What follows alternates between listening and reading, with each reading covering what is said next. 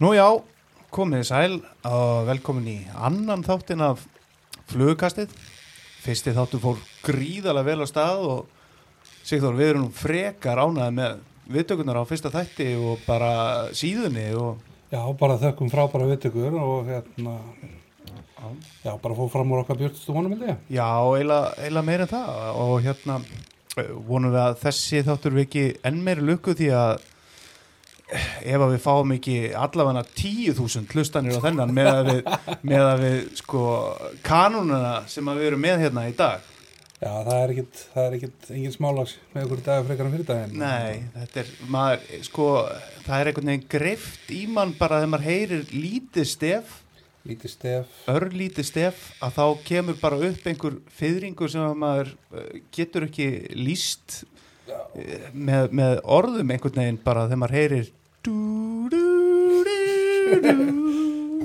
Það var bara ferðast maður 20 ára aftur í tíman. Hérna 20 ára aftur í tíman í allar þessar ár og ógleymalegi menn og, og hérna og náttúrulega aðal maðurinn sem að sér um þáttinn er nú bara komin til okkar Sigþór, þú kannski Já, Egert Skúlason, fréttastjóri á Jábúnduris, fyrirvættur fréttastjóri í dag að fyrst, og hérna komið sem stanguði maður Algjörlega rétt. og þáttagjara maður. þátt að gera maður Takk fyrir að bjóða mér og til hamingju með þetta sem þið er að gera. Já, takk fyrir, Takk fyrir og takk fyrir að gefa það tíma til að koma.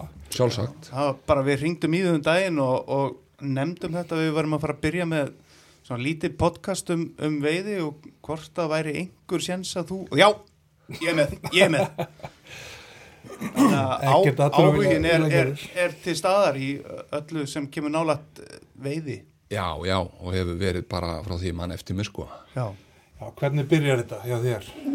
Þetta byrjar uh, austur í Vík, ég var það mikið sem krakki Já, og á sumrin var þetta bara þannig að uh, þú klættir þig og stöngin var bara alltaf fyrir utan.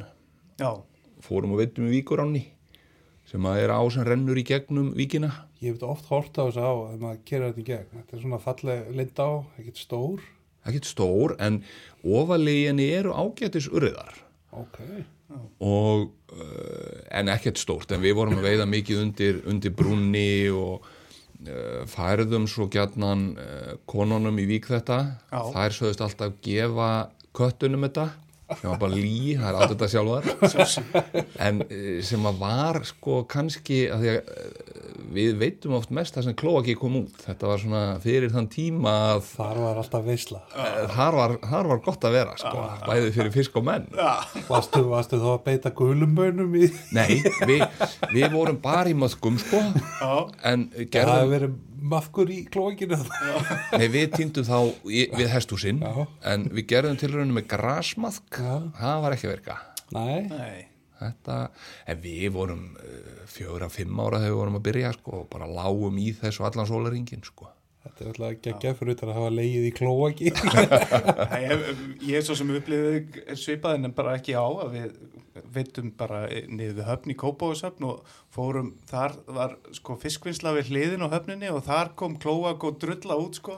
Þar Gúan lág og- gúan og ógeð sko, þar lág hann sko. Já, já, það, þeir vita alveg hvað þeir vilja. Já, já, Pappi unna á einmitt svipað þessu laugarnesinu sko, þar sem að gúan og er bara klóakið. Já, kom út í, þar var mikið að ufsa sko, stórir ufsar. já. Þegar hann hætti að fara þákað eftir að hafa bitin af róttu. Já, einmitt passa, maður sá alls konar kvikindi þarna á milli grjóta sko En það, þú eru gert fleiri en að við í klóaki, ekkert. já, já, já, já, já. Svo uh, óks maður aðeins úr grassið þarna og þá fór maður að fá að fara með köllunum og það var tungufljótið og upp í Vassá, heiðavatnið og mikið veitt hann í kring. En uh, eins og í dag, einn af mínum eftirrættis veiðstöðum er, það eru litlar tjarnir uh, sem að eru vestanmegin við Kellingadalsá. Í landi Jónasar í Fagradal Maður sér þetta frá veginn. Já, Já, einmitt. þarna hef ég fengið allt upp í 8 punda urriða Já, og stöku bleikju og Jónas selur ódýrt í þetta mjög gott aðgengi að þessu. En já, maður er heyrt að þessu. Já, þetta er bara frábært að fara þarna í stuttan tíma og ég tek nú aldrei nema, ég dref nú aldrei nema eitt fisk Já, en þetta er eitthvað besti sílungur sem ég borða. Já, frábært. Þetta eru grunnar tjattir eða ekki? ekki svo grunnar, Jónas saði mér einu sinni frá því að þarna druknaði belja. Þannig að Það er, þeirra já, já, en það er í þessu, það er í þessu meira dýpi og, Ok. og það er samgangur þarna uh, við sjó þegar mikið rignir. Ok, þannig að hann er jáfnvel að festast sjóbreytingar og svona, Já, ég hef séð sjóbyrtinga þarna, en ekki veitt þá.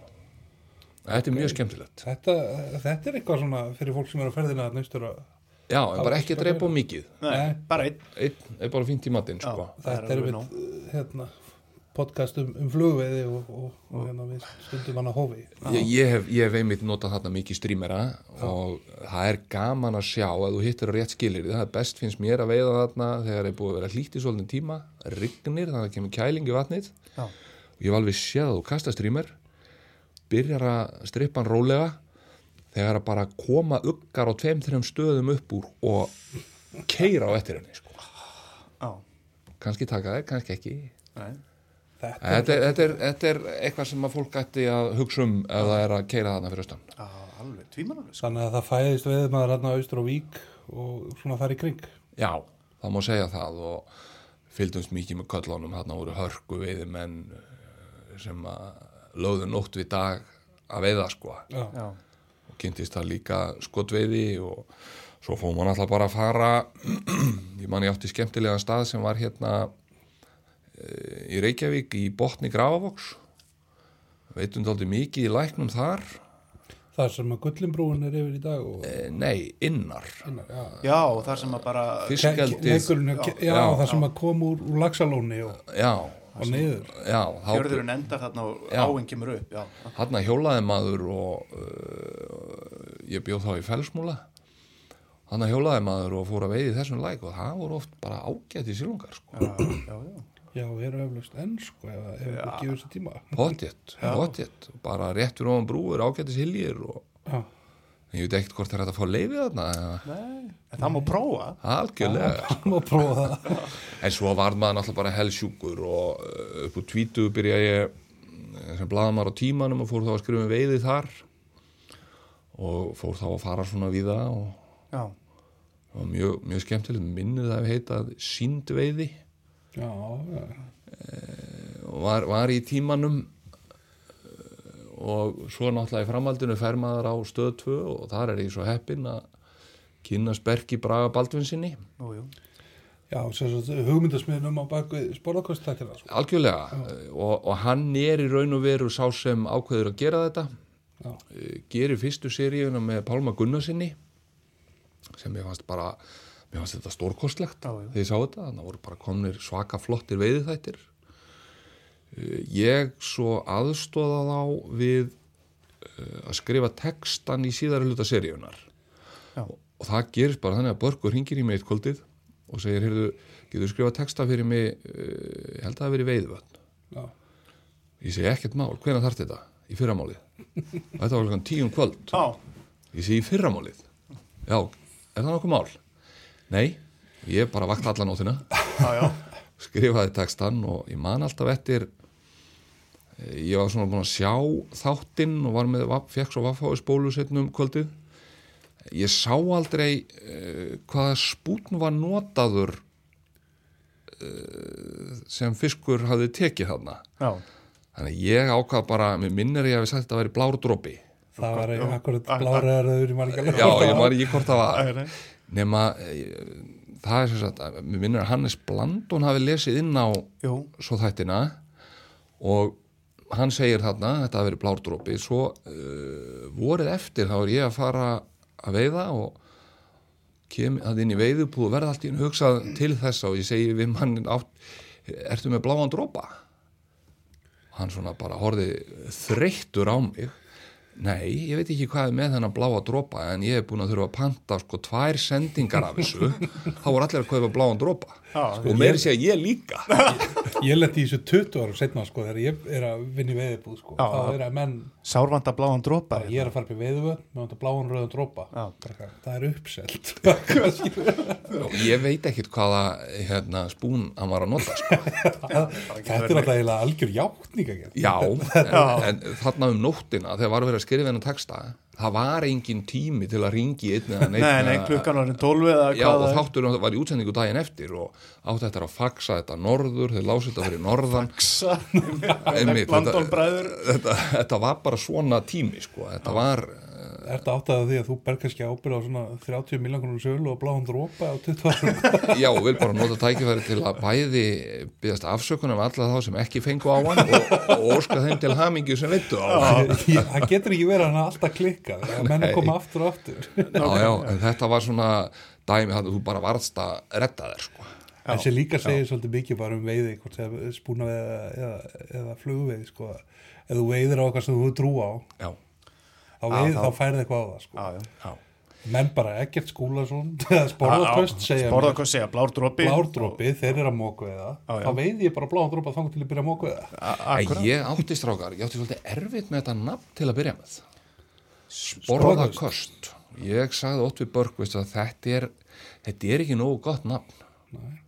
Og hann var alveg harður á því, þetta væri, og, hvað ég hafði rámt fyrir mér og hann rétt fyrir sér. En mér fannst þetta, ég sagði þetta er allt og tyrfið og sporðakost. Já. En Þetta er ekki ætla til útlunings.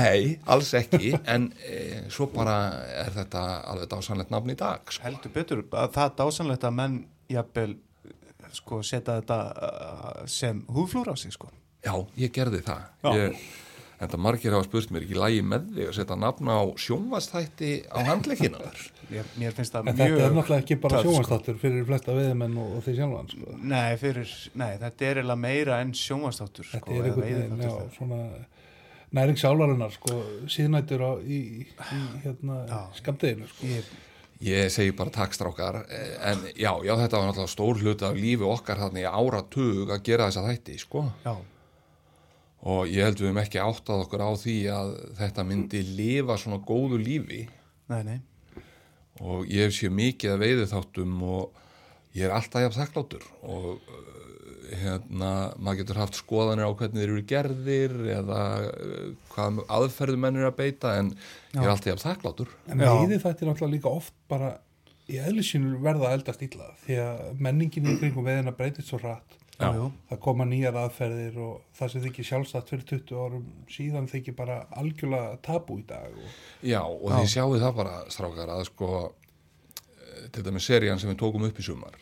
Já, öllum fiski var sleft já, seríuna sem við tókum upp uh, hérna á síðustu öld ef að fiski var sleft var það alveg bara stórkostlegt atrið í þætti að sjá mann svona skrítin einmitt þegar þú, það er mikið um þetta þegar þú ert með hérna, Kolbjörn Grímsson í hérna í sjóbyrtingsveiði sko, hann Já. sleppir hann einhverjum áttabötu sjóbyrtingi sko, Já, já. og það er alveg sérstætt segment sko, þar sem hann er að útskýra bara hvað Já. hann er að gera já, já, og eins bent kópilingu upp í Vassá Já. akkurat sko hann var að sleppa þessu Hann tók einn og einn í svoðu bara til Já. að elda fyrir ykkur og manni fannst þetta bara skrítið sko. Já, en það er samt líka einhvern veginn í þeim þáttum er að það er aldrei mynd af einhverju skotti full af plastpókum sko. Nei, við lögðum svolítið upp úr því að þetta yrði ekki hvað á maður að segja þetta yrði ekki svona subbulegt Nei. að því að auðvitað er fullt af fólki sem er að horfa á þetta sem hefur kannski ekkit mikið áhuga á veiði og bara vill ekki mikið blóð og einhverja hrúur af döðum fiskum já eða sjá mann með, með, með sko einhver, einhverja sleggju að, að þruma í hausinn á, á lagsinum sko Já, eða- fjórum, fimm sinnum já, sko. að ganga frá honum sko. Já, já, en við færðum okkur alltaf meira og meira yfir í fluguveiðina en það var það svo sem að gerast á þessum tíma. Jú, jú, en e, það var líka gaman e, þegar við vorum að mynda til að mynda í fyrstu skiptin mask með fiskabúrinu það var mjög gaman að sjá þetta kvikindi skrýð eftir botninum og þá skildi maður lagsin svolítið vel. Já, þú ert að fara að hrygna þetta og ég seti þetta í svipaða kategóriu og segjum að þú ert með nýfætt barn heima hjá þér. Þú kemur stó, stór svört konguló og er að skrýði í sófanu þar sem barni liggur. Já, já, hvað gerur? Þú? Slarði hann í burtu eða tekur hann í burtu. Já, já, ég held að lagsin sé ofta að gera þetta. Þegar þetta kvikindi kemur eftir mölinni akkurat. þar sem þú ætlar að rigna. Þú ert þarna að lýsa fræri senu með átna Baldursin upp í lagsvæði dölum eða ekki, dönust að e, sko, jú, af, ég er að koma inn á það en þetta var, við mynduðum þetta í langá þegar hann var að hérna, láta orminn skriða. Já, já, en já, svo einmitt, við vorum lengi búin að eiga þetta markmið og þennan draum að ná að, að mynda senu þar sem fiskur tæki í viltu umhverfi alvöru agn.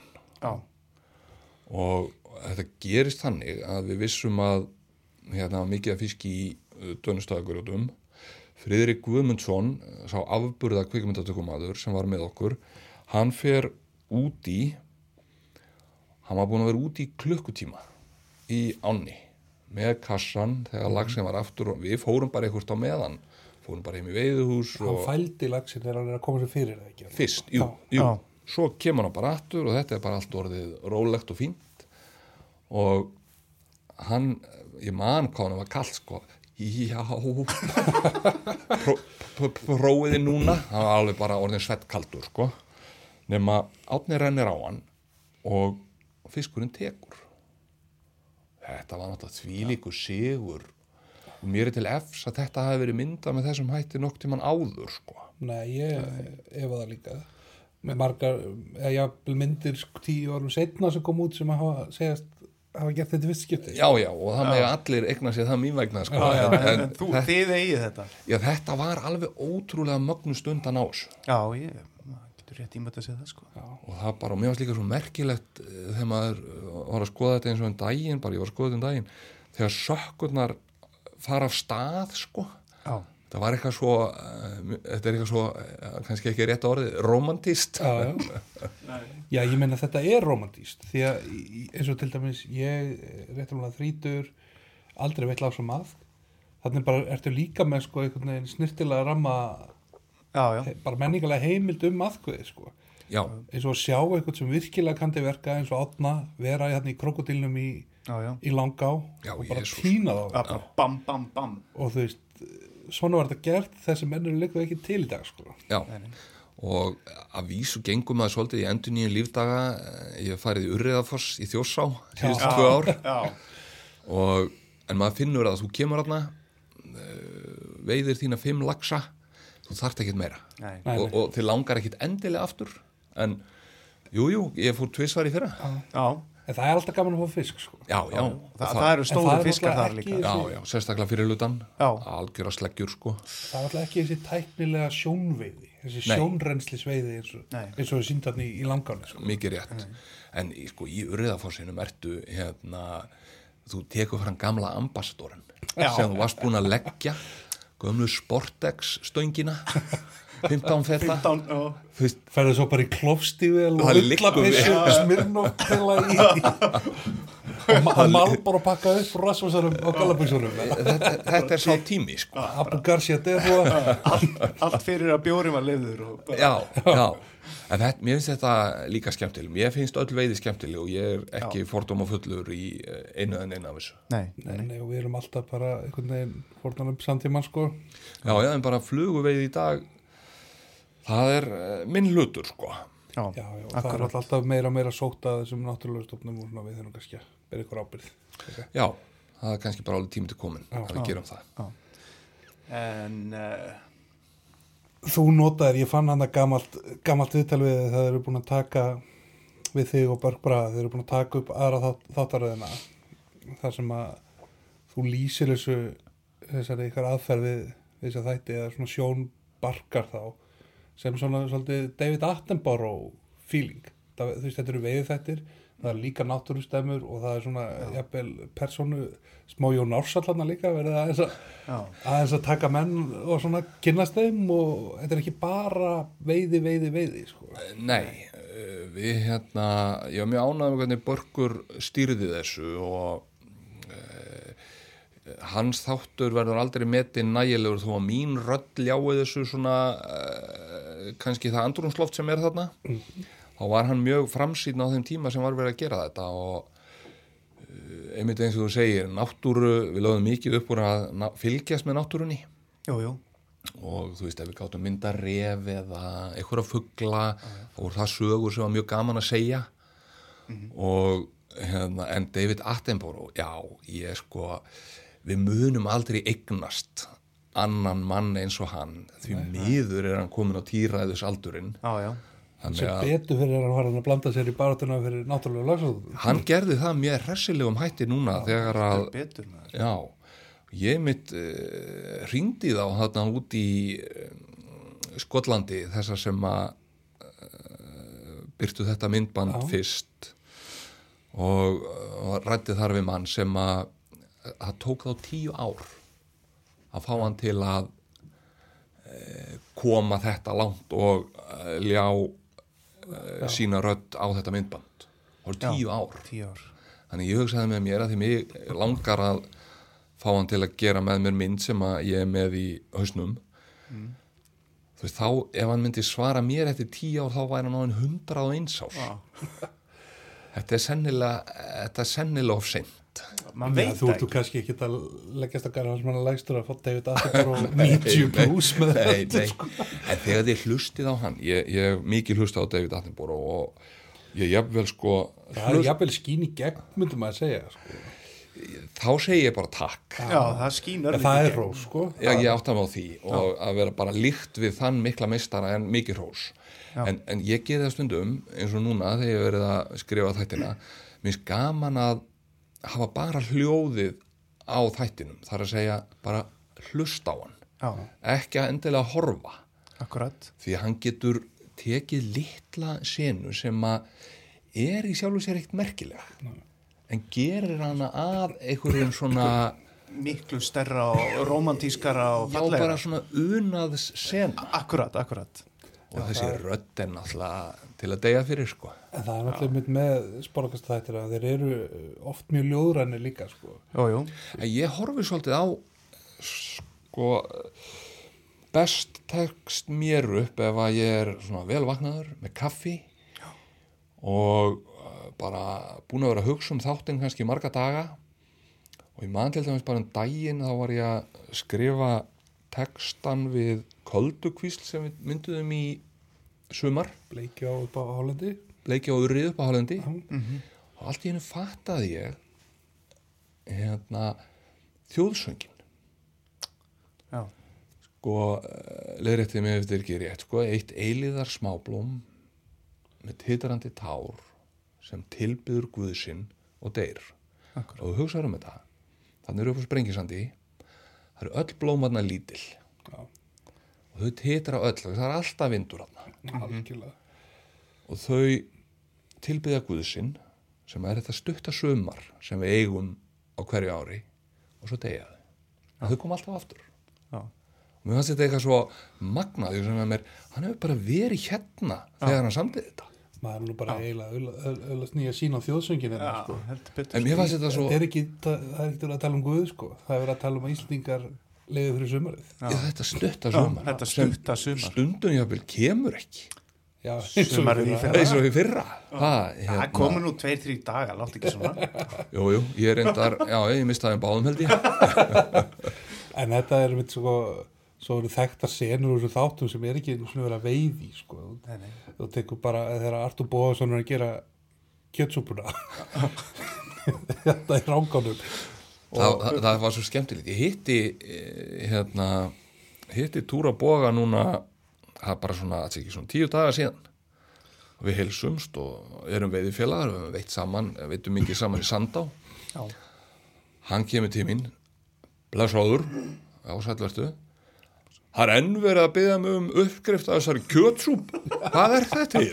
Hvað er þetta núna að gera með síðustu 20 ár? já, og svo var verið að setja núna gömlu þættina inn á hérna, stöð 2 marathon og þar geta með séð þessa Kjötsúpu frá kjötsúpugerð. Kjötsúpu, Já. já. En sko lýsingin er einhvern veginn, sko, þá eru þeir búin að vera að rífa þarna um hvort það sé nógu mikið eða of mikið af káli eða gulrótum í þetta. Og Artur segir hérna við veiðfélagin sinna, hann hafa nú bara gott að þessu.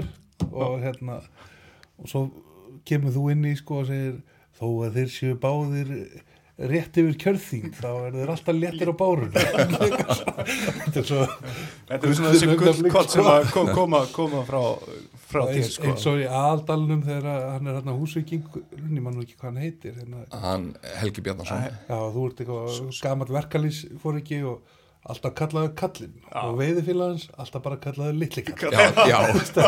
Af því hann var aðeins minni. Aðeins minni. Báðir mjög litli og mér, mér fannst sko mér fannst líka eh, Helgi Bjarnason er látin og blessu sér minning hans en Já. mér fannst uh, sagan sem hann sagði okkur með sko gargafallinu sem að uh, hann segir þessa sögu sko þá hafði félagi hans hann hafði uh, veitt gargafall og bókar þetta. Já. en þegar að þú lest þetta vittlust heitir þetta gargafall.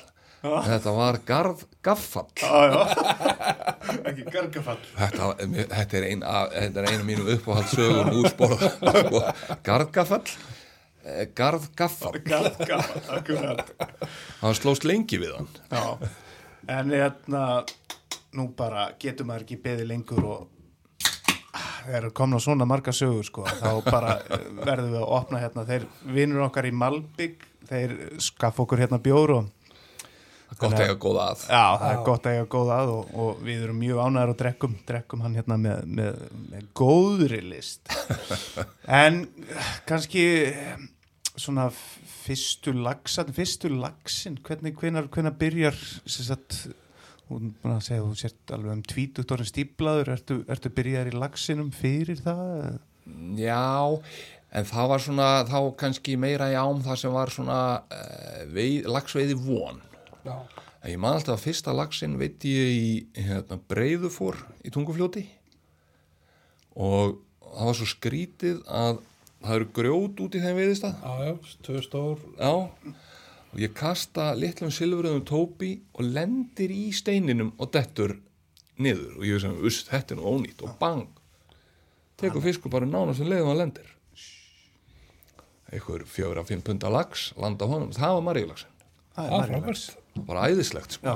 En það er kannski ekki mikið lagsa svæði þarna í kringum vík og það sem út allast upp sem veðmaður. nei, nei, Þetta er sjóbyrtingur og, sjóbyrtingur og silungur já, mér sé að sjóbleikja á þessum tíma. já, já, já, já. og uh, alltaf verið mjög skotin í silungsviði Já, og ég man að við hann var sko, við fylgdum skrant með því í köfélaginu við vildum helst sko sonnettur sem voru með götum það er að segja þetta voru spúnar og það er, það er þá platan að væri göt á henni. Þetta voru reflexar og sonnettur. Já, og ef að götum voru þá tr trúðu við því að hún myndi syngja í vatninu. Já, hvort hún gerði það, ég hef ekki hugmyndu það en við trúðum við veitum betur á, á svo- að hana þannig sko, þá veiðum maður betur. Það er rétt. Það er bara hálfur sigur. Heyrðu, þú talað um Silungsvegi. Þú varst nú hvað 15-20 ár í lagsvegi Mývasveit. já, Gerði þar til dæmis þátt með Kolbjörn einnum, já, einsinni. Já, og svo gerði ég líka, fór með Sinnans, Leifi Leifi? Kolbens, La Primavera. Og ég var í Bragasinni, hörgu veiðmenn, báðu tveir. Og ég, þeir kendu mér í raun og vera á mjósveitina. þetta eru skellið á, nefna þessa sömu, eða þessa tvo þætti í sömu andrá, sko, því að þeir eru sko merkjum líka bara hvað tíman, þó það sé ekki svo langt á millið þeirra, sko. Já, Því að þarna í setni þættinum, sko, er, fyrir þættinum er Kolbeinn með, með rektorinn og, Já, já, og sökkanda og eitthvað svona og svo í setni þættinum er tökuvarinn og púpan og þessi Já. svona nútíma silmsvegi kannski farin að reyða sér rúms. já, ég man alltaf fyrst þegar að eh, við kynntumst, mér minnir að Palli Veiðhúsinu hafi fyrst sagt mér af þessum púpum. Já, og ég hafði aldrei prófað þetta. Og vorum bara í okkar strimmerum og, og svona litlum flugum og daldi í kuðungum og svo leiðis en svo prófuðum við þetta. Og lendum bara í alveg geggjaðri veiði sko. bingo þá er náttúrulega ekkert aftur snúið. En svo ofsalega góðu vinnu minn Gilvi Kristjánsson já, sem er krókur og mísla já, já, krókurinn og míslan og fleira beikir og hann, ég kom alltaf við hjá honum á Akureyri því að við vorum að fara norður. Viðskipti lætur á mig fá flugu. Prófaðu þessa. Hann let mér fá þrjár. Og þetta var einhver útgáf af silfuperlunni en græn. Ég og Leifur förum uh, hérna uh, hvað heitir hann? Stekkjar? Ég man ekki hvað hann heitir. Þetta er hann niður í í mývarsettina já þetta er í mjögasveitinni þetta er hann að beint fyrir neðan þjóðvegin þar sem hún beigir niður. Já, stekkja skerapóllur stekkjaskeripollur, alveg rétt. Nema ég læt leif á eina tek sjálfur aðra. Setjum báðu strax í fisk. Svo hérna tíni ég henni í bakkastinu. Það er heldur Þa, það gerist reyndar dálítið oft hann að þú glemir það sko. lambegin er, er há í miðinni og hefur tekið margar flugur Heyrðu, leifur setur fljóta í það stóran fisk hann ræður ekkert við hann. Slítur og farinn. Þannig að ég set þessa undir hjá mér og leifur eitthvað annað og nema, svo tíni ég þessari þriðju. Og ég kem til Gilva og segir, þú er að nýta þetta. Þetta er, þetta er eitthvað geggjuð fluga. Hvernig var hún? Ég, ég man það ekki alveg, þú lést mér fá þrjár og ég man ekki það er. Aldrei séð þessa flugu síðan. Kallin náttúrulega dáinn hann er, og ég, ég veit ekkert. Nei, það er eitthvað grænt í henni allan það er eitthvað grænt í því það er snillíkur eru- mikill snillingur, já. Náttúrulega geggjur sena hérna í Silungsveið Íslandi myndinni hérna nýri Hrafstæði sem er nú einn af mínum eftirhaldsveðstöðum í dag. Þannig er á, er á Hamar. Já, það sem fá hérna grila væna fisk í, í þættirum sko. Þannig að maður ég eiðilaði Vaffa S-bóluna mína, ég ert eftir ömmu mína svona sjónvarp með á, áfæstu Vaffa S-tæki og hérna þetta var bara að spila á hverju kvöldi fyrir svefnin sko. Já, nákvæmlega. Já, ég get þá huggaði með því að hann mun byrtast í sumar. Bingo. Ég var með búin að hafa samband við fyrir nokkuð mánu síðan og þá var þetta í gleimskonu Kóvik staðar masterinn og já, svo fekk ég frá Berki uh, fullt af spólum og uh, þá voru allir masterar að sporðkostum nema tveir. Tveir masterar eru týndir. Það er annars vegar þátturinn um hrútafjörðar á með Sverri Hermannsinni sem er líka látin eins og margir sem komið þarna við sögu. Þetta er náttúrulega upp í 25 ára gamalt efni. Já. og ég vona bara að þetta séu bara fallega minningar um þá menn sem tóku þátt. Ég held að sé rúmlega það. Já, já, heldur betur. Og hinn þátturinn sem að var ekki í þessu safni er uh, Guðmundur landslistjálfari í handbólta núverandi og Sigurður Sveinsson að veiða á Jökuldals heiði Já, og það er einhver ömulegasta lífsreynsla sem ég hef bara lent í. Við gistum þarna í Torfbæ. Sænauta seli Sænauta var það. seli. Sænleikaseli og ég teka fram að allt fólk sem var þarna allir gerðu vel við okkur en við gistum í þessum Torfbæ og vorum allir með bronkítis eftir að hafa verið þarna. En þið sláið nú samt upp tjaldi þetta til að byrja með. Hvað, var- það svo bara fauk það eða? Nei, þeir gistu þar, handbólta hetjunar og þeim var það ekki meint af en það var svo mikill raki. Já, og drulla bara í torbænum heyrðu, ég, við gerðum það í alvör að við fórum, það er fjós á neðri hæðinni. Jú, jú. Við fórum þangað niður til að elda pilsur, við vorum pilsur í matinn og fá bara hita af beljón sko. Já, já. Bara eins og í gamla dag Bara Þetta var eins og í gamla í- daga. Já, þetta var bara alvöru torbær með þetta, En þátturinn er líka, maður horfa þetta bara Jésús, þetta er martröð. Þetta var algjör Þetta er í júni, er, er þetta ekki í byrjun júni? Jú, við erum aðeins og snemma þarna sko. Já, snjóar. Þetta, svo fórum við aftur setnum sumarið og þetta var bara sama rugli þá.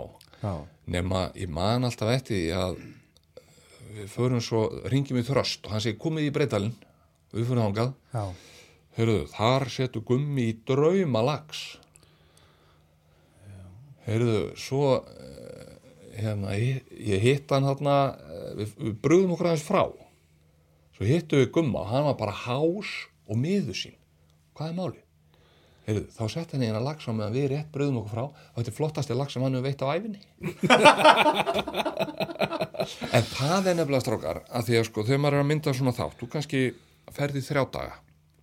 Segjum þetta bara tregveiði. Já, já, veiðimæðurinn setur kannski sjö laxa. Þá eru þarna sjö sekundubrót sem þú verður að klára á því að þú verður að ná að mynda. 100% Já. og þú ert kannski bara sérð mjög fallegan fugl þannig að kvikmyndatökumæðurinn einbeiti sér að honum Já, já. á meðan gerist það að hann setur í einn af þessum sjölöksum þannig að það þarf býstna margt að ganga upp til að þú getir gert Já, já.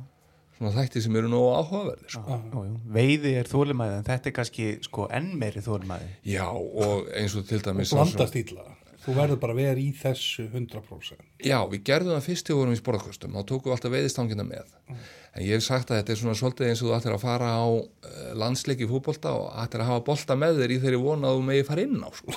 Já, já. sem að er bara ekki að fara að gerast Akkurat. En svo eins og uh, ég var að, var að hugsa hvernig þetta eh, munin á þessu eins og þá og nú þá voru við sko fjóri til fimm með eina kvikmyndatökuvél. Í sumar voru við tveir með átta kvikmyndatökuvélar Já, ekki að nota þær allar í einu Nei, nei. en Steingrim Jón Þóraðarsson var að mynda með mér í sumar algjörsnýtlingur Já. og græjurna sem drengur hefa með sko.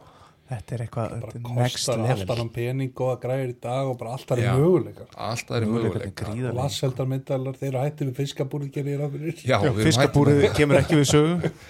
sérsmíðaða fiskabúrið Já, það var mikill stálkassi með glugga og 10 kíló blílóði undir þetta drösluðist við með út um allt og svo ef það þurfti að taka kranaskott þá var bara fullu bíl af krana og þetta var borið bara Já, já. til að ná kannski einu, tveimur skotum þannig að það var metnaður í gangi sko. Heldur betur. Já, já, en það er þetta. það þættir og allar þeir farið með allan að þunga búnaði til dæmis upp í hérna, efst upp í Stórulas og fjögur. Heyrðu, það var hræðileg ferð. Þeir eru er á að hestum í uppgöngu gilli Heyrðu, ég er ekki hestamaður sko. og e, Einir í raskatinu. heyrðu, harsperur allar sko. Já, nema það er ákveð að við munum ríða þannig upp yfir það er gert. Og ég er bara ég er bara hálfrættur við hesta sko. þetta er bara ekki mitt sport. Já, Ég er a- alveg á sömu blaðsjóðu, sko. Heru, ég settu þarna á einhvern lítinn hest. Ég vorkendi honum svo, ég var svo þungur. Svo er ríðið þarna algjörlega bara á blábrúninni og mér fannst hann alltaf vera rasandi Hörðu, svo komum við þarna upp í helgaskála. Nema við förum að sofa allir þreyttir. Börkur þarf að fara út að míga. Var í hvítu nærbjöksum og hann var fullt af fólk í skálanum nema svo lappar hann svona og það svona eldir hann hlátur bylgja þá var hann með stóra rauða skellu á nærbjöksunum fossblættur að sinum á hann Já, já. og við náttúrulega skelli hlægjum allir. En ég sá hvernig allir þreifuðu svo og við vorum allir blóðir bara gillilega á línuna Nei, þetta var ekki þetta var bara, svo suðu, suðu Bara sál sem nuddsár, kemur já, svona nuttsá sko. Já, sem kemur svona eiginlega ofarlega einhvern veginn. Ég hef lent í svona Heyrðu, svo árið það tilbaka daginn eftir og ég segi bara, hvað, ég- bara er ekki hægt að vera með einhverja bíl eða eitthvað, hvað er þetta? Nei, nei, nei, það er engin vegur innan. Svo ríðum við að stað, maður er bara, þá fyrst var maður að drepast. Svo erum við hálnaður leiðinni niður og kemur jeppi sem er keirandi á hæðinni svona 50 metra fyrir ofan okkur. Þá var það ágætis akvegur. Já, það Já, er keirt að upp að helgast Já, já. Það bara, hvað vissuðu það ekki? En, en bóndin sem var nú með ykkur sem leti ykkur fá Ég, hérna ég held þér hafi vitað en ekki En þetta er náttúrulega að vera algjörlega. Já, líka, líka það sko. En ég hefði keirt ef ég hefði nokkur Það er nú kannski nokkur verið hægt tök að haft á. keira með búnar og svona og, ta og taka myndir af þeim á Á, hestum á hestinum, já. Það var ekki.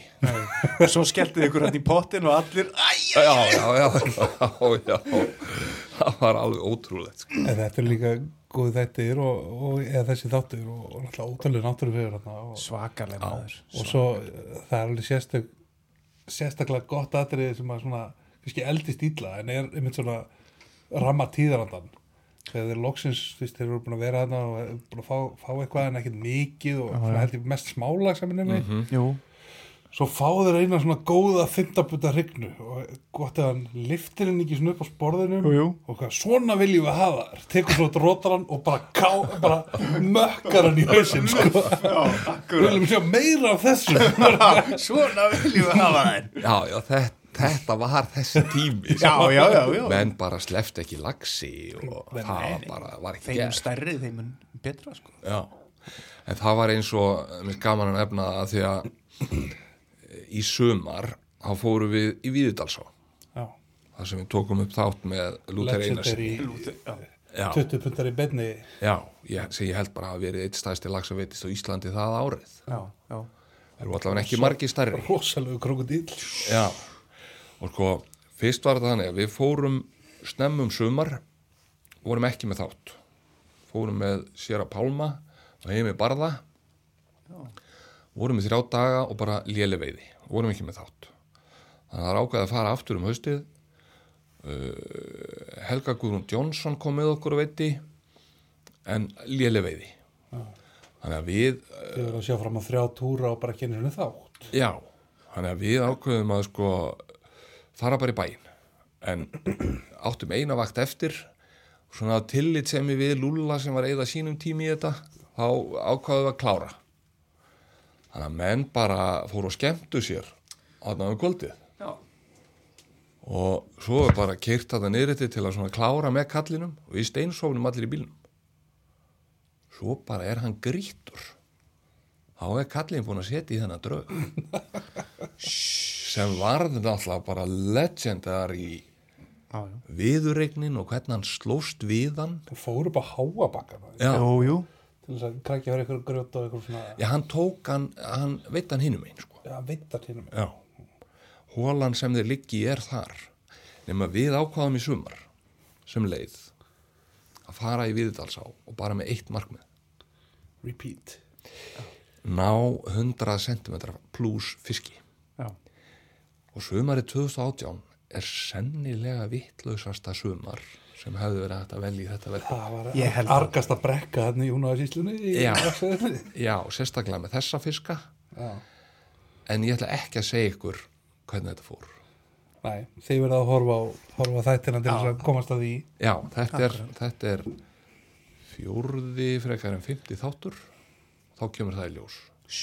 Spennan er Það býða- gríðar. Já, Já.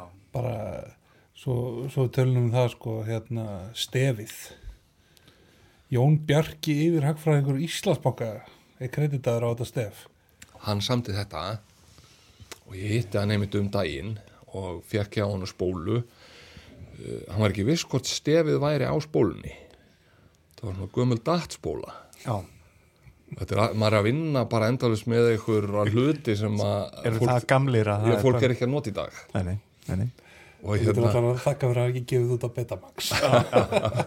Ja, menn eru, menn eru sumir hver er að nota náttúrulega bara teipin eða þá í upptökum sko, já, Já, í já. hljóðupptöku og annað en þarna er sko dat sko, sem að ég, ég held að sé enginn sem nota nei, nei, en ég fór samt með þetta og kom þess á hérna, stafrænt form.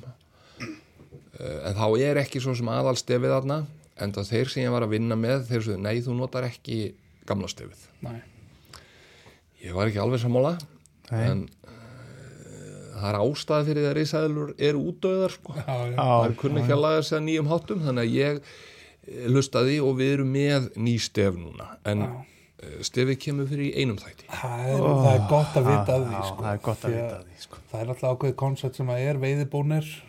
Og það er bara, þegar maður heyrir þetta eins það og stefið sko það Svona við tölum um í byrjun bara þegar kemur Já, bara það- en þetta, þetta bara, það það færi í hann það sko. kvikna náttúrun en já, við ákvaðum að nota nýtt stef og ég ákvaði að hlusta á, á hérna, menn sem að eh, eru nær nútímanum í þessu. Ég held að sé bara rétt hjá sko. þeir halda þeir viti betur. Já, en ég held, ég held hitt stefið náttúrulega minnar rammar inn ákveðna minningu líka sko. Já. Verið að- kannski eru við bara að skapa nýja minningu fyrir nýja veðmenn, unga veðmenn vonandi, þetta verður þeirra stef sem að þeir fá það er vonandi. blóð í handlegin mjög góða en En, já, hérna, en við komum hérna inn á Seilung, Seilung á Íslandi. Þú fóst víðar heldur en í hérna, í mjögarsættina í þeim þáttum. Fóst til dæmis í á. Já, og þar hefur nú heldur betur aðstæði breyst og síðan Já. þá. Heldur betur og, er, er bara kemur fiskur upp í eigafjörð Já, já, hún, það er rosalega magna fiskjaðar en þetta fymta svæði og svo stóru bleikir sem voru þar hefur nú heldur betur látað að sjá. Já. þó að það sé loksist núna að koma upp Já, aftur akkurat, já. Ég man líka eftir, ég átti einu sinni svo skemmtilegt moment með Gilva Kristjánsinni vinni mínum hérna í sem við reynda mynduðum ekki, þá var ég bara að veiða með honum. Og hann segir, farð þú fram með þér og byrjaðu. Og ég fer, svo kemur kallinn. Og nei, nei, ekki vera hérna, kóttu og fer með mig eitthvað annað og rétti mér svo flug og segir, hérna, notaðu þessa. Og þá, og ég segi, hvað, hvað, hvað er þessi? Krókurinn. Ok. Og þá voru að veðist það sem heitir króksbreiða. Ég kasta fæ þryggjabönda bleikju. Nei, nei, nei, nei, kasta aður þryggjabönda bleikju. Nei, nei, nei, nei, kasta aður þryggjabönda bleikju. Nei, nei, kasta aður 8,4 pund bingo. Þá sagði kallinn á. Og hann segi, hún har aldrei hægt að koma upp úr. Þá bara var hann að byrja með krókin þetta var alls ekki fyrsta hann var búin, hún er skýrð sko í höfuð mjög setina ekki? Jú, hún er skýrð í höfuðið á hérna, elsi föðubróðu Bjarnar Hafþós sem er kallaði krókurinn. Var ekki abba Já. skipstjóri jú, jú. Já, og en meðan bara svo gaman þarna á króksbreiðu með krókin og höfundin ég get sagt þér það, þegar ég fór í efir á svæða feimi fyrstskipti þá triðið mig það að svonur svonur Karlsins hérna, Kristján Gilvarsson væri með mér sko. Og, og við færum ekkert annað en á króksbreiðu og með krókin já, og bara sko ég var ekki búin að kasta sko. Og það var búin að fá okkur 62-30 cm bleikju sko. Reyndar ar- argasta sláp sko. Að hún var slægt og mér veist það bara svona veist, ja, ok, Kristján langaði ekkert að byrja hérna sko. það kom bara ekkert annað grein króksbreiðan er ónýtt og ekki eins og maður og, ja, skiptir engum mál, við erum að fara á króksbreiðan. Já, nákvæmlega, við erum að fara að þanga. en ég er svo þakkláttu fyrir að við mynduðum gilvað þarna að nýta krókin og mísluna já, Já, að því að sko Gilvi var lærðu guldsmiður en hann var ekkert að nýta úr náttúrunni sko. Nei. það kom ekki til það greina var að gera skarklubi hann var að gera já. og hvað er betri dómur og fallega skartgrip heldur en eitthvað bleikja sem að ákveður að geta þetta Já, já. það er nákvæmlega Eins og Míslan er, hún er alltaf með, með þessu augu og Já. allt þetta. bara uh, geggjaða flugur. Já, já. og svo þó að beikirinn sé kannski meira uh, í áttina kannski einhverju náttúru imitation Já, já. en hérna, ég veit veit tölvört með honum Kristjáni Gilvarssoni veist, það er maður sem elst upp með Kristján Gíslason hérna körblusmið sem afasinn og, og svo með Gilva eða þú veist sem bara lagsa kongur Íslands og svo. Gilvi þessi mikli bleiki siglumsveið maður sko. Já, það er ótrúlega skemmtilega sögur og, og gaman að vera í kringum hann sko og þess að, þykku ættar sögu íslenska veið sko. Já, já. Heldur betur. ég fór einmitt með Gilva í síðasta veðitúrun sinn hann áður en að dó. Og fórum við í Kaldá fyrir austan Já. og uh, veitum ekkert en uh, vorum í flóðum og, en sögurnar voru dásanlega sko. já, Já. Þetta er, uh, oft er þetta líka félagskapurinn sko. það er nú það sem þetta það gengur út á nú megnið af þessu oftast 50% af þessu bara. Getur, getur þessin að vera meira ef að veðrið er vond og þannig að þá, þá er félagskapurinn aðalmálið. Það getur- ekki verið úti að veiða. já, þú getur frábæð veðmaður sko. En eða nennir enginn að fara með þér í veiði þá. Nákvæmlega, sko. þá er eitthvað að. Það, það er Félagarnir er allir farnir í veiðum, vil ekki vera með þér í veiði. það er þessi gæja sem að hafa einhvern veginn öll, öll trikkin á hendur sér en eru samt ekkert að keppi veiði sko. Já, sem eru, sem eru frábæri veiðifélagar sko. Já, og tilbúin að deila með uh, Deila með sínum upplýsingum Akkurat, sko. það eru fleiri menn hann hérna Sigurður, pappas steppa hérna í Siggi Já. og Hermann hérna. Já, já, Brynjólfsson, já. þeir eru hlaupað um hann eins og óðu menn á neðri sveðanum já, við veitum mikið með þessum strákum líka í mjögasveitinni já, ótrúlega flinkir veiðmenn alveg sko ég hef ekki hitt jafnoka þeirra í mjögasveitinni sko. Veitu alveg gríðarlega vel og vissu nákvæmlega hvar fiskurinn var og og ef maður ef eitthvað er þetta að lesa í þetta eigafræðarvídeó þá er náttúrulega yfirferðin á þeim á þessu stóra svæði, sem er mjögsveitin verið Já, ég, eins og hemmi var þarna með eh, sko labradorhund og ég held að hundurinn hafi verið búinn á undan hún Já, já, það var bara, hann, hann var svakalegur sko. En uh, átt þú þér einhvern svona eftirlæts veðistæðin í, í, í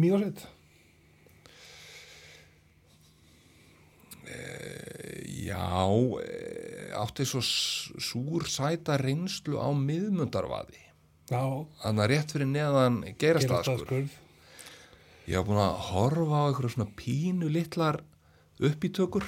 Þetta er svo, fyrir þá sem þekki ekki, það er svona rúmlega, eða svona kálfadjúpt vatn, já, og með svona hólum og bollum. Algjörlega.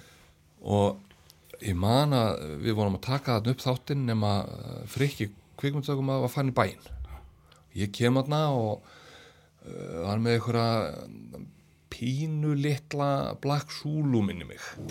Og ég ákvað að kasta á þessa smáfiska. Bara svona koma með aðeins í gýrin og sjá tökuna og heyrðu, ég setti bara þarna í endalust af stórfiski. Þetta er nefnilega leynir ótrúlega á sér. Þegar aðeins fyrir að hitna.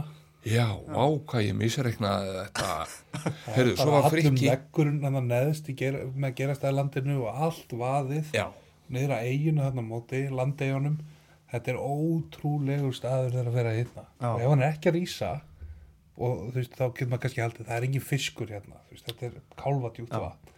Þá bara sitja á einmitt litla votflugu og bara, En ég sá það nefnilega hann þetta var svo típist, við vorum búin að vera myndaðan í 2-3 daga, frikki þarf að fara degi fyrir í bæinn það var sama hvar flugan okkar lendi í vatni stórfiskur tók hana Vá. og hann farin bara, þú veist, ég vissi að ég átti ekki að lefa að fara sko.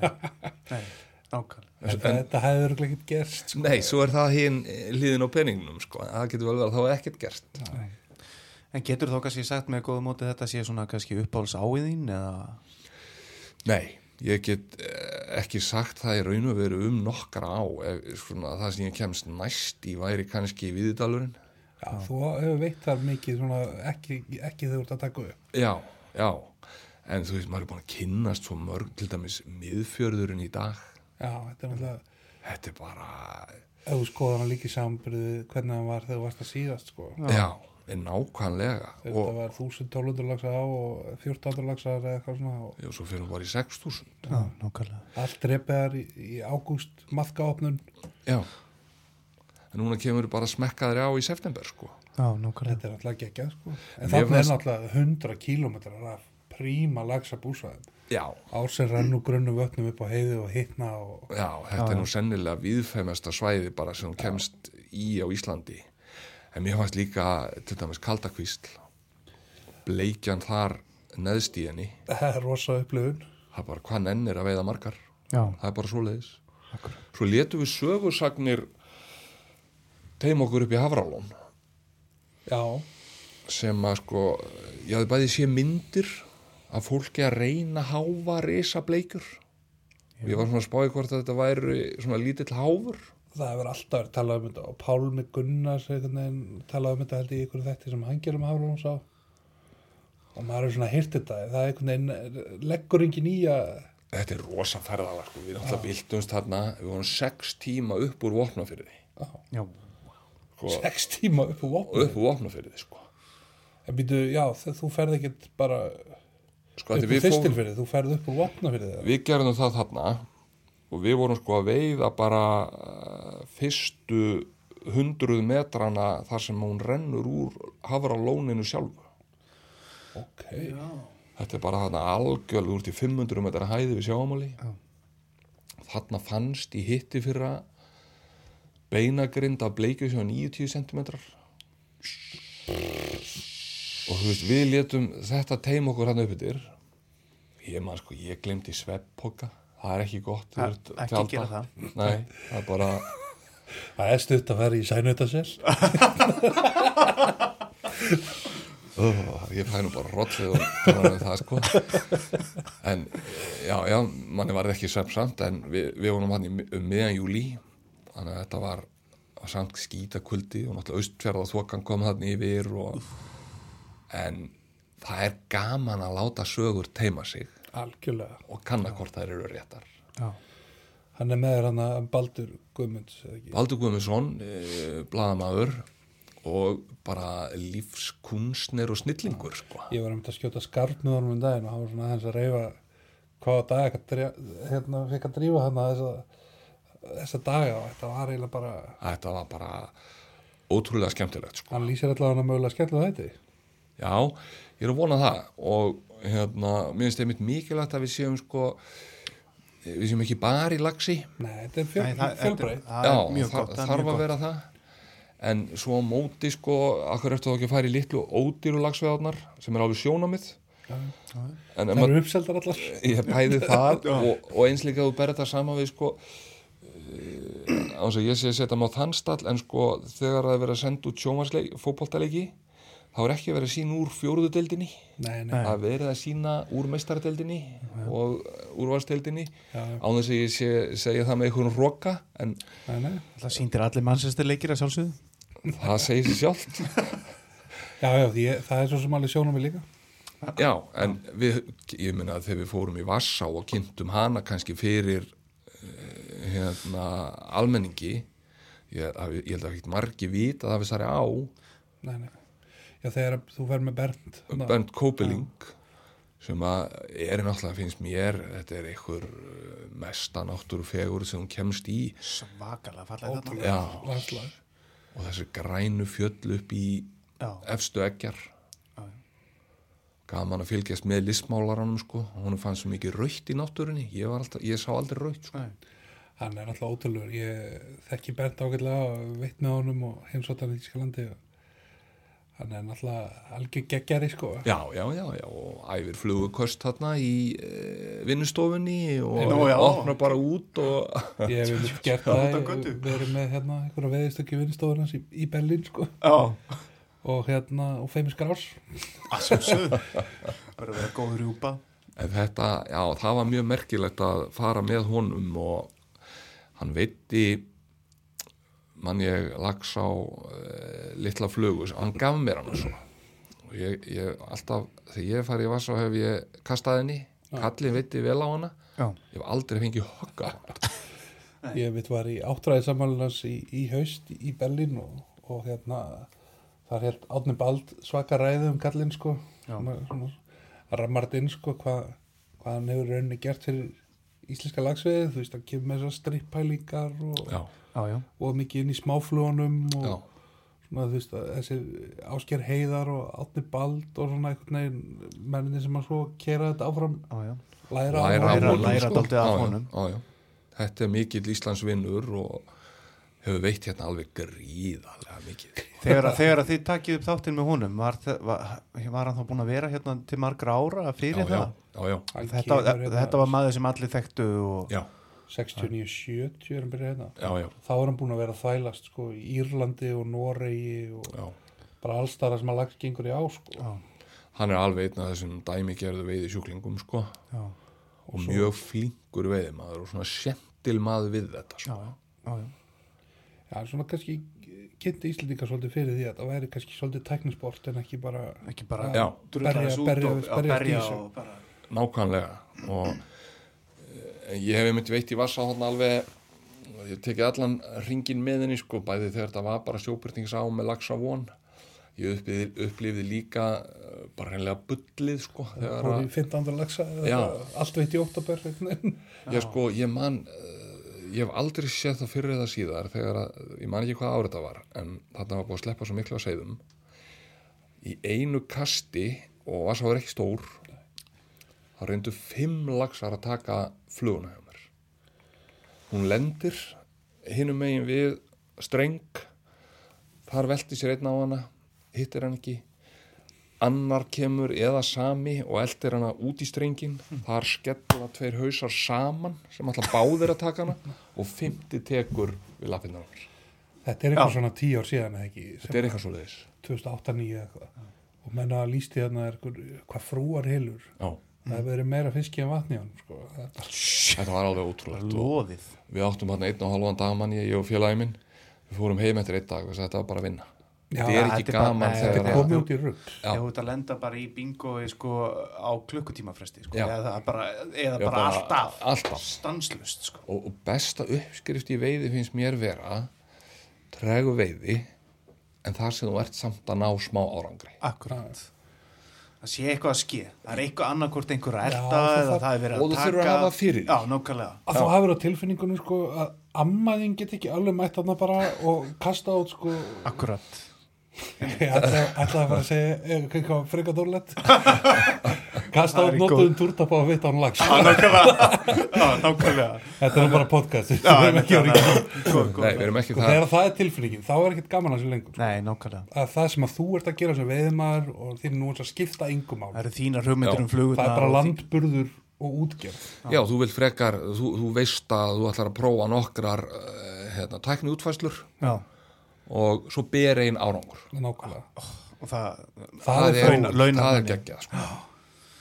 En nú eins og í öllum þessum þáttum hjá þér og annað þá eins og við erum búin að tala um að þá er uh, málið skemmtilegt og allt þetta og, en öruglega gerist alls konar alls konar hlutir í svona þáttum eins og kannski það að þú færð einhvern með þér og eða þú færð að fara með einhverjum og menn kannski ná ekki saman eða, eða bara einhverjir skemmtilegi hlutir koma, koma ég var koma akkurat búin að undirstinga einn hérna góðan mann Nú, já, með þetta. Nú, já, já. hann hérna Jón Viður Haugsson myndatökumæður hann hérna báði okkur aðeins um að svona reyfa það að þú að vera hvað stríðunum Ragnari Holm hérna í flugufréttum að að hann hefði veitt síld í hústum og Vastalsson já, já það, er, það er rétt. Við, hérna, við fórum að það nokkur ár strákar á stöð 2 og Raggi Hólm eh, sem er náttúrulega bara hörku veiðmaður Já. hann er í, með kolbeinni í einu þættirum al, al, alveg rétt. já, og nema þeir áttu ósinn sem var svona, þetta var í Vastalsá og Sílungarsvæðinu já, þeir áttu ósinn, hann og félagans nema eh, Raggi fer þarna og það var búið að hörku veiði. Nema svo allt í einu hvort svo bleikja var gengin upp það er engin veiði. Nema Raggi setur í síld og okkur fannst þetta ótrúlega fyndið og ég get náttúrulega aldrei stilt sko. já, það er svo fárólega fyndið að veiða síld það er ekki bara En þú veist- ég hef aldrei heilt um neitt við að síld á stöng sko. Æ, ég- Hvernig gekk ég- í túrnum? Bara fínt, við fengum tvær síldir Nei, hún gengur upp á landinu til að rigna og hægt að geta og eitthvað, sko, þú átt ekki, átt ekki að geta veit síld. En þú veist, ég gat náttúrulega ekki, þú veist, ég, veist, Ragnar í síld og fisk, síldarplanið og þú veist, ég, ég gat ekkert hægt. Nei, það er bara endanust Já, þannig að, já, já, ég, ég á það til að taka svona hluti of langt, sko. Jón, Jón, ja, Jón Víður mitt kemur að því að þetta er kannski eh, feikir svolítið á að Ragnar þetta til lokin. Já, já, þetta, þegar þú varst að kalla Þorvald í síldafisk já, já, ég segi bara, sorry, Raggi minn, ég, ég, Já, veitum hann að hlusta já, já, já, já. En það, það gerðist annað í þessum þætti, í þessari ferð, sem var náttúrulega bara ræðilegt, sko. Að Pétur, Péturs kemur til okkar og segir, heyrðu, ég er með útlendinga hérna, ég verð að koma þeim í bleikju. Það er ekkert mál. Ég og félagi minn, Frikki, áttum þarna þetta eina svæði sem var að gefa. Já. Og ég sé, hvert getum við farið í staðin? Ekkert mál, farið bara upp í Fossaldal. Já, ok, og já, já, ég aldrei komið að náður. Við rennum upp til. Engi við alveg sveðinu Heyrðu, það er alltaf bara spútnin og maðkurinn og Já. svo bara hjólað í þetta. Við erum búin að drepa 11 lagsa bara á klukkutíma. svo brennum við nýr í veiðihús til Péturs og ég opna bara bílinn og segi Pétur, sjáðu, þetta var bara geggjað. Panik er hann alltaf.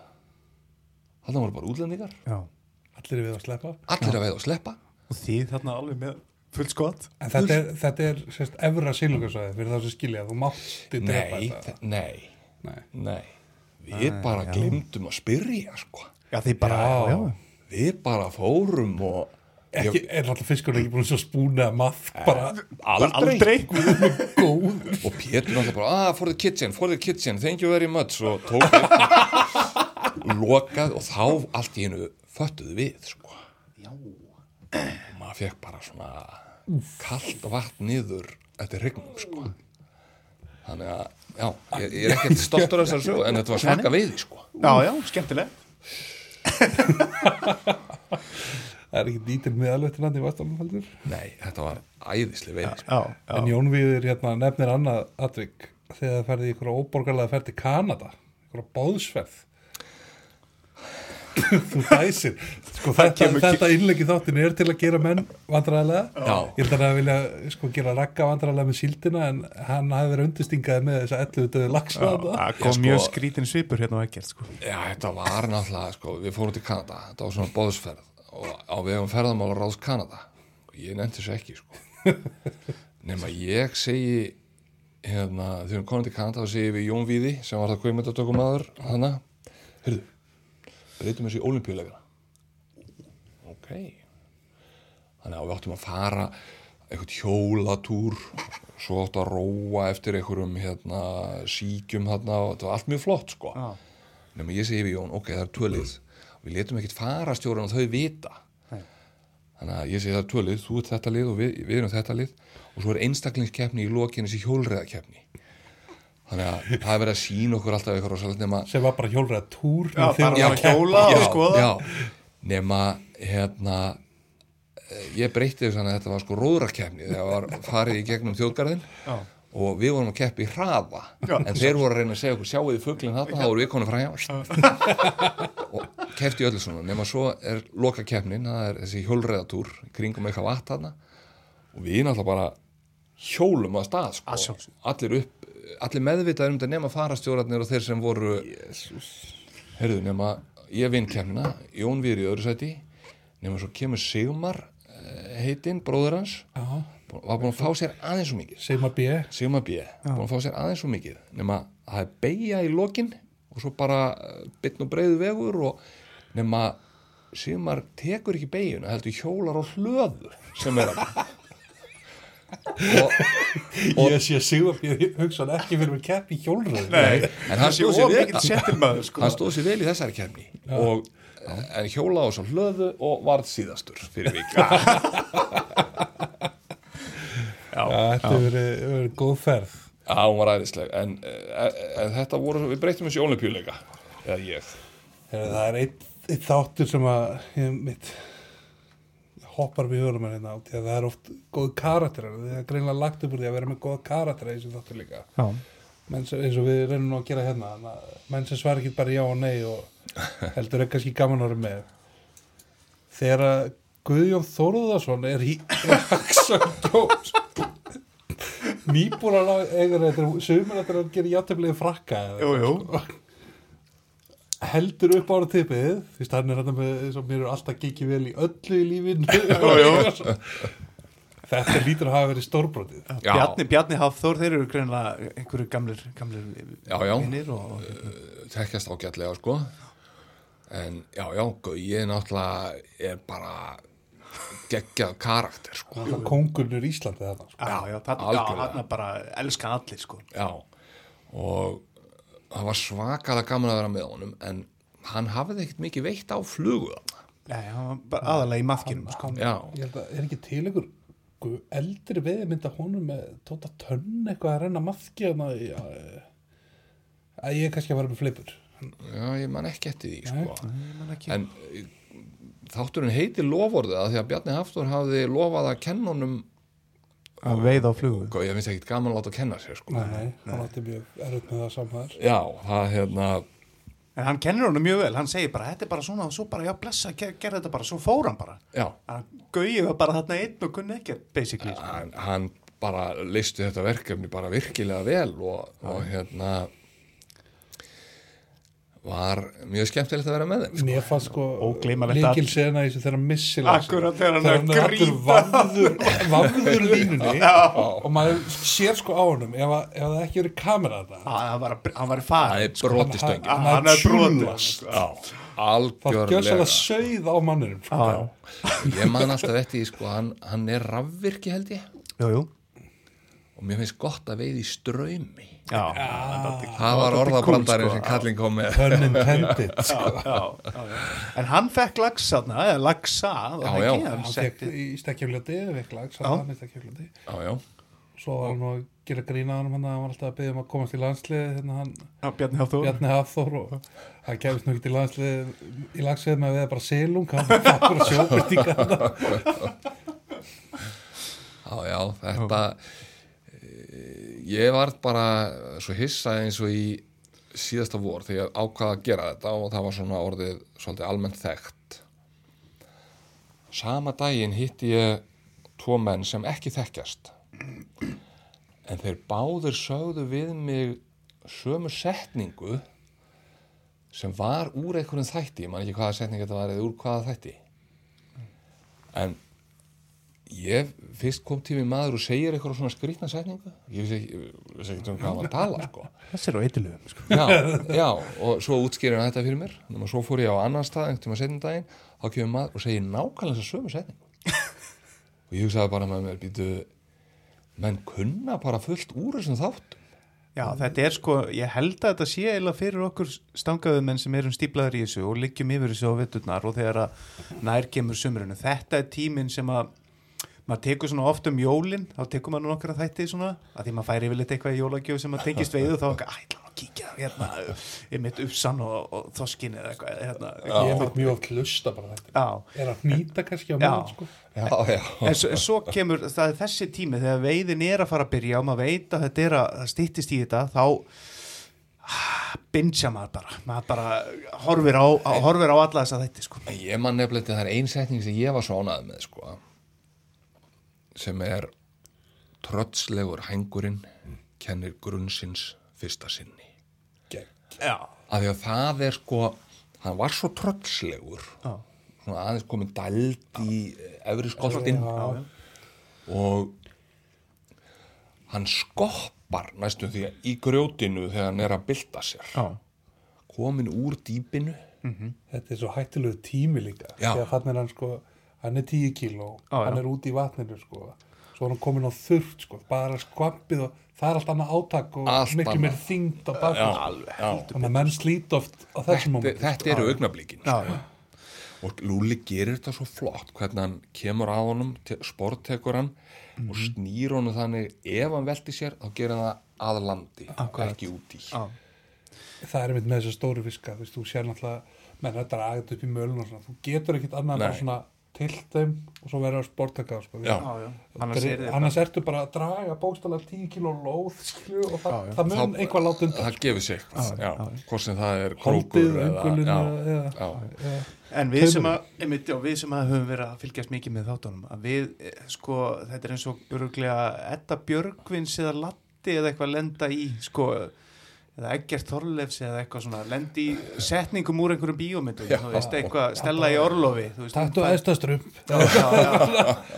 Eitthvað, þú veist, það er sama hvað það er, sko eða, þannig að þú hlýtur að fá þetta eins og þú veist að segja Já. Tveir menn bara að segja eitthvað hérna, myndi, það er gott að Það er líka epist þegar krían, það veit að gott að sjá kríu og við þá veistu að laxalúsin er að þetta eru svona stemmur sem að lifa sko. já, já. já, já, ég hef fengið þetta oft og í gegnum öll þessi ár alltaf fengið æ, allar ekki að gera meira Já, og alltaf bara nei, þetta er bara að var fínt það djöfis barningu líka já, já, Það já. voru þægilegir í dag allt annað í dag en svo bara þegar ástriðan kviknar þú veist, ég fann hann allt í einu aftur og bara, á, döðu langaði sko. já.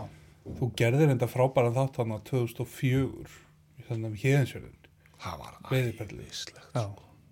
Fyrir göng fyrirgöng fyrirgöng bara stemman þegar þið eru að velkjast hann inn á trillunni Tri, já, draga hana þarna yfir hérna í og svo þoku og, já, já. og svo stíma á árabátnum í gegnum vatni Já, já. og ég var einmitt að skoða þessar rátökur um daginn já. og það er svo gaman að sjá hvað þetta búr skilað okkur þegar að krókurinn dettu fyrir framann myndavélina Mhm. Ströymurinn tekur hana og svo tekur bleikana geggja sko. þetta er bara Þetta alltaf hann að leiti mig og mína vi- vini að kaupa okkur veðilegði hérðinsjörði já, já, já, já, já. var það? með miklu basli Við lettum hann í þvílíkri rigningu og þurftum bara frá að hverfa að leita okkur skjólsir á siglu eða eitthvað Nú, sko. já, ok já. fórum satt aftur og þá var bleikjan ekki mætt og svona en ég, sko, núna er sjarminn svolítið farin að þessu þú getur bara keirt og nú er þetta bara eins og hver önnu bleikjó Já, nú ferði bara nú en ég er ekki að fara að keira á siglufjörðu til þess að þú veist, keira svo bara fimm minútur í hýðið sér og fara við þar. Nei, nei, nei. Að þú, ævintýrið þú er búin að keira yfir hansi marga góða bleikjór þegar þú kemur þangað sko. já, og þetta ævintýrið það er svolítið horfið sko. Já, það er orðið, en sem betur fer varðveist og innrammað í þessu. Í þessum þætti, já, og Einar Guðmann náttúrulega alveg ótrúlega flinku veiði maður og ég man eftir einum heil sko, það komum við og ég held að það hefði verið 23 bleikur í hann, það var ósvalega fallega uppraðað. Þegar við fórum, þá var hann búin að setja í 22 og það voru allar svona eins og þeim hefði verið stungið eh, þvess og já, að við sleftum öllu, allar að jafna sig. Að jafna sig. Mm, það var æðislegt sko. og svo er náttúrulega hérna episkur þáttur með Bubba í Hofsá líka. Það sem Bubbi, þetta er góðarisbubbi já, já, þannig er hann að væli úr útlíkunum og hann var alveg tilbúin að kaupa stangirnar á uppsettu verði ef, ef hann bara fengið það já, já, já, já. en það var ótrúlega gaman að, að fara með honum þarna og ég vilja við veitt meira sko. Hann gými er hann líka með ykkur sem er yfirgætt upp í kjara og, já, og svo náttúrulega seg, segir hann þessa hérna, flegu setningu sko veiði, þetta eru bara gull og gemsteinar í kistu minningana já, og þetta er alltaf að lifa með allan að mér á mínum veiðfélögum já, já, og nákvæmlega þannig er þessi þessi fallegi sko. þessi fallegi dagur er veiðilag. Er sko. Þetta er alltaf En- maður líkið þessu Fer- fer- Ferði ekki líka hann aðeins í ásana? nei, það, Nei, það er nei, það voru ekki, það voru ekki við var það. Nei. Nei ég, það var einhver önnur það, er sem að- það, að, það sem að kvartar satt yfir því að ásatni séu bara eins og organdi smábann Já, já, nákvæmlega. Já, hann talaði um þá bara. Já, við fórum ekki að veiða það sko. nei, nei, nei, það er eina fáum ám sem ég hef ekki gert uh, veiði þátt í. Nei, nei. en byrju er ásannar ekkert á dagskara þeirra? jú, í sumar. Já, var það ekki við? Nú, nú, nú, nú. fórst að, voru ekki í opnun hann eða? nei, ég ætla að taka upp í sumar. Í komandi sumar sumar, já, já, já, ok, þá ætla ég að gera nýja seríu sem er með allt öðru sniði. Ok. Viltu eitthvað að segja okkur frá því? uh, hún er hugsuð fyrir Erlendanmarkað Ok, fæ og er að vinna í því að fá bæði þekta og flinka veiðimenn.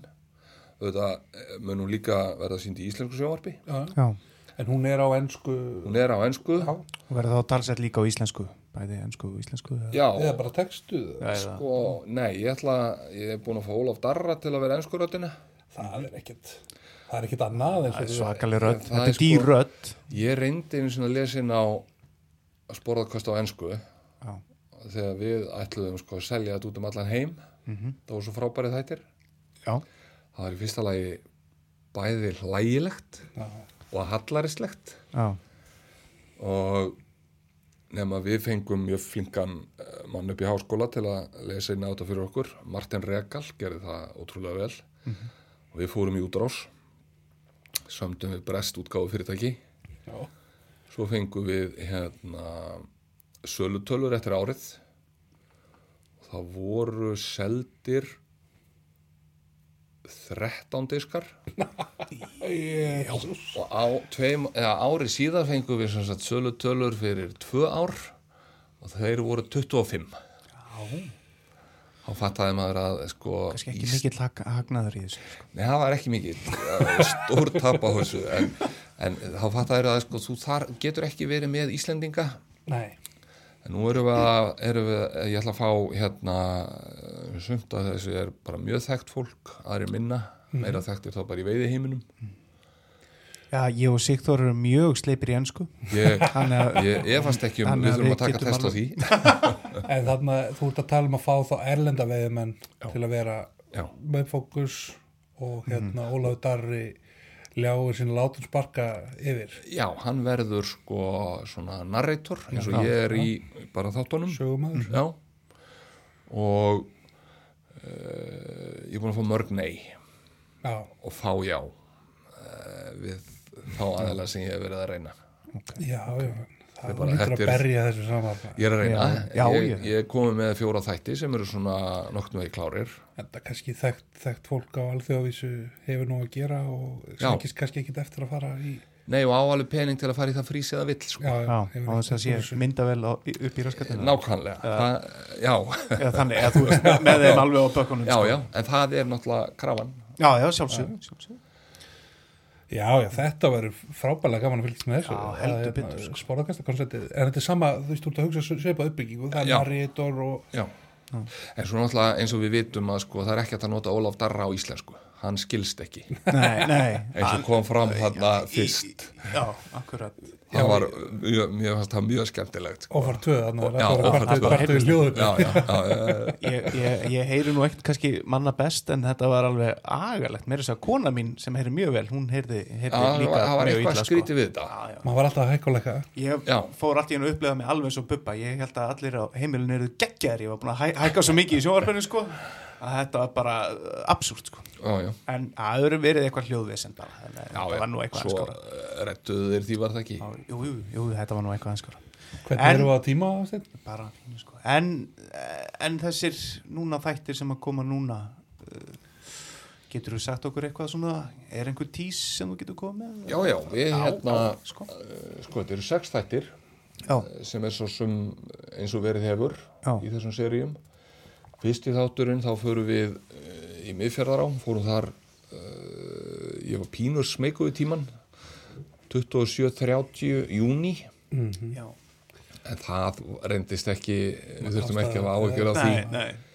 Og líka með vana menn með þér þar. Já, þegar Rabbi og Jonni vittu og það er skemmst frá því að segja að ég man ekki eftir að við myndað aðra eins viðuregn og þátturinn endar á það var nú rosalega viðurregn í fyrir þætti sem þú tókst upp í Já. þegar að Bjössi World Class er, þessi slær það út það er bara það leik já, það var sko sem Bjössi í Eða var það hann var vel yfir 20 já, já, var það ekki Bjössi sem var? Jú, Jú, Bjössi var Bjössi. jú.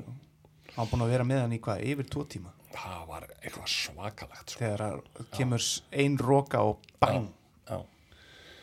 Svo næsti þáttur þá fórum við inn í Havralón og vittum þar eh, eins og ég var að segja ykkur áðan uh, vorum þar að líta eftir rámbleikju það var mikið æfintýri uh, þriði þátturinn fórum við lagsá í Dölum vorum þar um miðjan ágúst.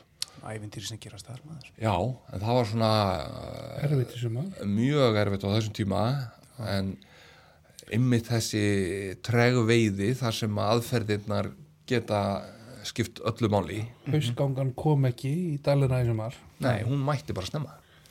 Þá ertu komin í búbunar og löngutömmana og akkurat, alls konar svona. En ég man ekki eftir að hafa séð jafn mikið að fiski nokkur á og við sáum þarna sko. hún var náttúrulega veiðina var æfintilega framann sem er já, æfint fjara undir vatni og, og nýju fiski og síðan fórum við í Köldukvísl vorum þar sem rennur í sporðöldulónið uh, það er bleikja í neðri hlutanum mikið af henni. Fóruð alveg upp í gljúrið og upp í þessa fossa? Já, fórum og vittum þetta undir Fagrafossi og ég man akkurat að við vorum búin að vera að skoða kattis Já, uh, vorflugurnar það er mikið af þeim að það eru stórar. Já, nema svo kom svoleiðis moment, fórum við að sjá uppítökur og þá var náttúrulega farið í þurrflugur í gljúrún, já, Það er bara ægi fagurt og skemmtilegt. Síðan fórum við í Viðdalsá, með þetta markmið eins og ég lísti fyrir ykkur áðan, að ná 100 pluss fiski. og eina sem ég get sagt ykkur er það að það duði ekki að fara einu sinni. nei Síðan er síðasti þátturinn sem að við erum bara að byrja að klippa og ég bind mikla voni við. Þar við og veiðum uh, selá með denna leðsögumanni, Já, mikill meistari. Mikill meistari. Og gísla áskisinni Já, já, það er nú ekki minni meistari. Nema það stóð þannig á uh, í þeim túr að gísli fór þurfti að skreppa hálfan dag og veiða með rattkliff þannig að við skelltum okkur bara með. Og var kallin til í það? já, já, Ok, og hérna uh, veiðum vestudalsána með þeim. Hann svona private á. Já, það var ótrúlegt sko. Já, það eru ótrúlega sögur sem vilja þessar á.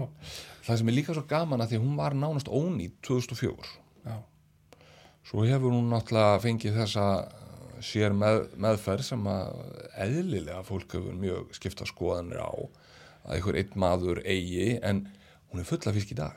Já, já. Já, þannig að það var, það var rosa magnað sko. Ég held að sá, sá þáttu getur verið mjög Já, Hljómar- svona hljómar mjög vel, sko. Snerti marga taugar, sko, menn já, getur öruglega svona lamið hausnum borða þessi við því að geta ekki tverða og kitt sér við eilið þarna eða? Já. Þannig að þar skil ég bara þetta getur sjónarmið, sko. já, getur öruglega orðið svona kveikja mörgum samtölum. Já, bara vonandi. Já, já. En það sem að ég og Sigþór eru nú báðir svona daldið músíkmenn og, og hérna og þegar við förum í veiði að þá er svona músík daldið svona partur af veiðinni. Bara allt frá því að maður kveikir á bílum í bænum og, og þangar til maður drepur á bílum aftur í bænum og þá tengir músíki maður mikið við veiði og eitthvað Eitthvað sækja félagana þetta og þetta og svona hitt og þetta. Og við nefndum þetta við þegar við tölum við um daginn ætlum að hafa þennan sið á í öllum þáttum. Að leifa viðmælandum að, að velja lag til þess að maður svona tengja við eitthvað. Og það tók þig svona um það bil 15 millisekundur að segja okkur hvaða lag þú valdir. Já, back in the USSR Sss, það er, það er sprenging sko. Og það er, sko, ég er engin tónlistamæður Nei. og mö- ég eh, er eitthvað fatlaður, ég hef voða lítið áhuga tónlist Æ, en þegar ég var að fara einn á rjúpu uh, hérna upp á helliseiði áður en ég fór í vinnunum alltaf Mm. og var með þetta í dundrandi botni til að koma í gýrin Já, já, og svo var ég farin að hafa þá trú að ég spilaði þetta ekki þá myndi ég ekki veiða. Já, nákvæmlega þetta er akkurat góð gýrun sko. Já, já, það er svona þetta er alveg lag það er pöns þarna alltaf og keiri mann áfram og stuða stemning og... má bara, svo lagði maður og bara stökk út úr bílnum undir Já. síðustu tónunum Já, nákvæmlega, nákvæmlega ég er mættur Já, nákvæmlega, ég er mættur og þú verður svo sannlega mættur á stöð 2 16. april 16. april og við hlökkum mikið til og þökkum þið bara kærlega fyrir komuna og gefa þið takk tíma ekki hella ekkert, þetta er búið að vera frábært spjall. Það er búið að gaman að vera með ykkur. Já, takk sömulegis takk takk. takk fyrir mig. Já, takk